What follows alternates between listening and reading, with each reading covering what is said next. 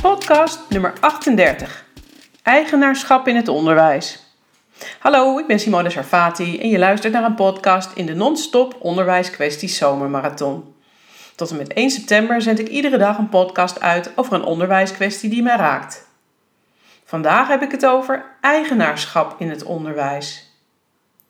Eigenaarschap wil zeggen dat je ergens de eigenaar van bent, van een voorwerp of van een object, van een taak of van een verantwoordelijkheid, en van bepaalde levende haven totdat ze een eigen zelfstandig leven kunnen gaan leiden. In deze podcast bespreek ik eigenaarschap binnen de context van een professionele onderwijscultuur. Een professionele onderwijscultuur gaat in mijn beleving uit van het feit dat de professionals eigenaarschap hebben. Eigenaarschap over een project, over activiteiten waarover verantwoording wordt afgelegd. En deze verantwoordelijkheid komt vanzelfsprekend met bevoegdheden. Anders heeft het dragen van verantwoordelijkheid geen zin. En dan ben je ook geen eigenaar. Het is waardeloos gesteld met het eigenaarschap in het onderwijs als je het mij vraagt. Natuurlijk, leraren hebben hun eigen klas of groepen kinderen die ze zijn toevertrouwd door de schoolleiders. Op grond van hun opleiding hebben zij tijdens lesgebonden tijd het volledige eigenaarschap over het rijlen en zeilen in de klas zij zijn daar autonome professionals. Resultaten van de leerlingen worden getoetst en op basis daarvan wordt het functioneren van de leraar afgezet. Afhankelijk van het personeelsbeleid van de school krijgt de leraar zelf ook een toetsing in de vorm van een klasseobservatie, met daaraan gekoppeld een gesprek over het persoonlijke ontwikkelingsplan. Popgesprekken heten ze ook wel, of functionerings- en beoordelingsgesprekken. Aan de hand van een zelf ingevuld persoonlijk plan wordt een gesprek gehouden waar de medewerker zelf een verslag van maakt. Dat heet eigenaarschap. Maar dit wordt op verschillende plekken heel verschillend uitgevoerd. Het eigenaarschap van verantwoordelijkheden is op zijn zachtst gezegd vaag. Ik zeg, de medewerker is verantwoordelijk voor zijn eigen plan. Dat maakt hem tot professional.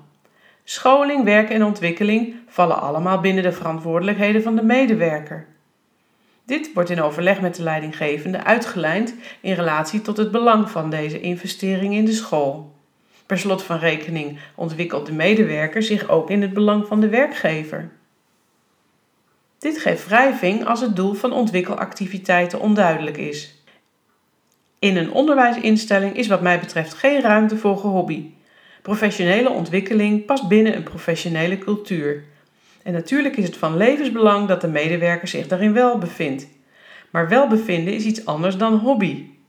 Doelgericht werken aan onderwijs is altijd leidend, als je het mij vraagt.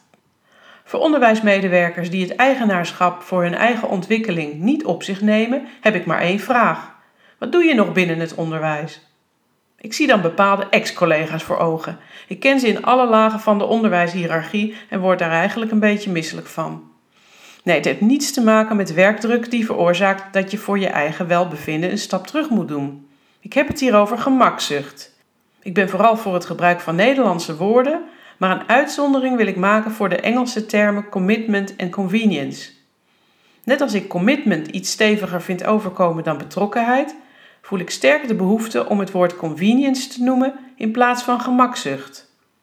Bij convenience voel ik nog meer berekenende gemakzucht en die maakt me woedend. In mijn ogen bestaat er niets dat ontwikkeling en een professionele onderwijscultuur meer ondermijnt dan convenience. Hoe denken we dat het imago van het onderwijs is veranderd tot een soort hobbyachtige werkomgeving, waarin leraren van vakantie tot vakantie leven? En dan ook nog eens klagen over werkdruk. Maak een keus en neem vervolgens de bijpassende beslissing voor je rekening. Convenience hoort niet thuis binnen de schoolmuren. Tot zover deze uitzending over eigenaarschap in het onderwijs.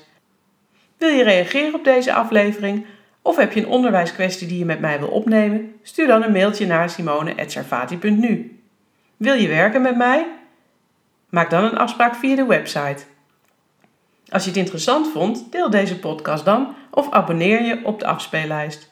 Weet dat ik het waardeer en weet ook dat je meer informatie over passend onderwijs kunt vinden op mijn website www.sarfati.nu. Sarfati met PH en IE. Bedankt voor het luisteren, een zomerse groet en tot passend weerziens.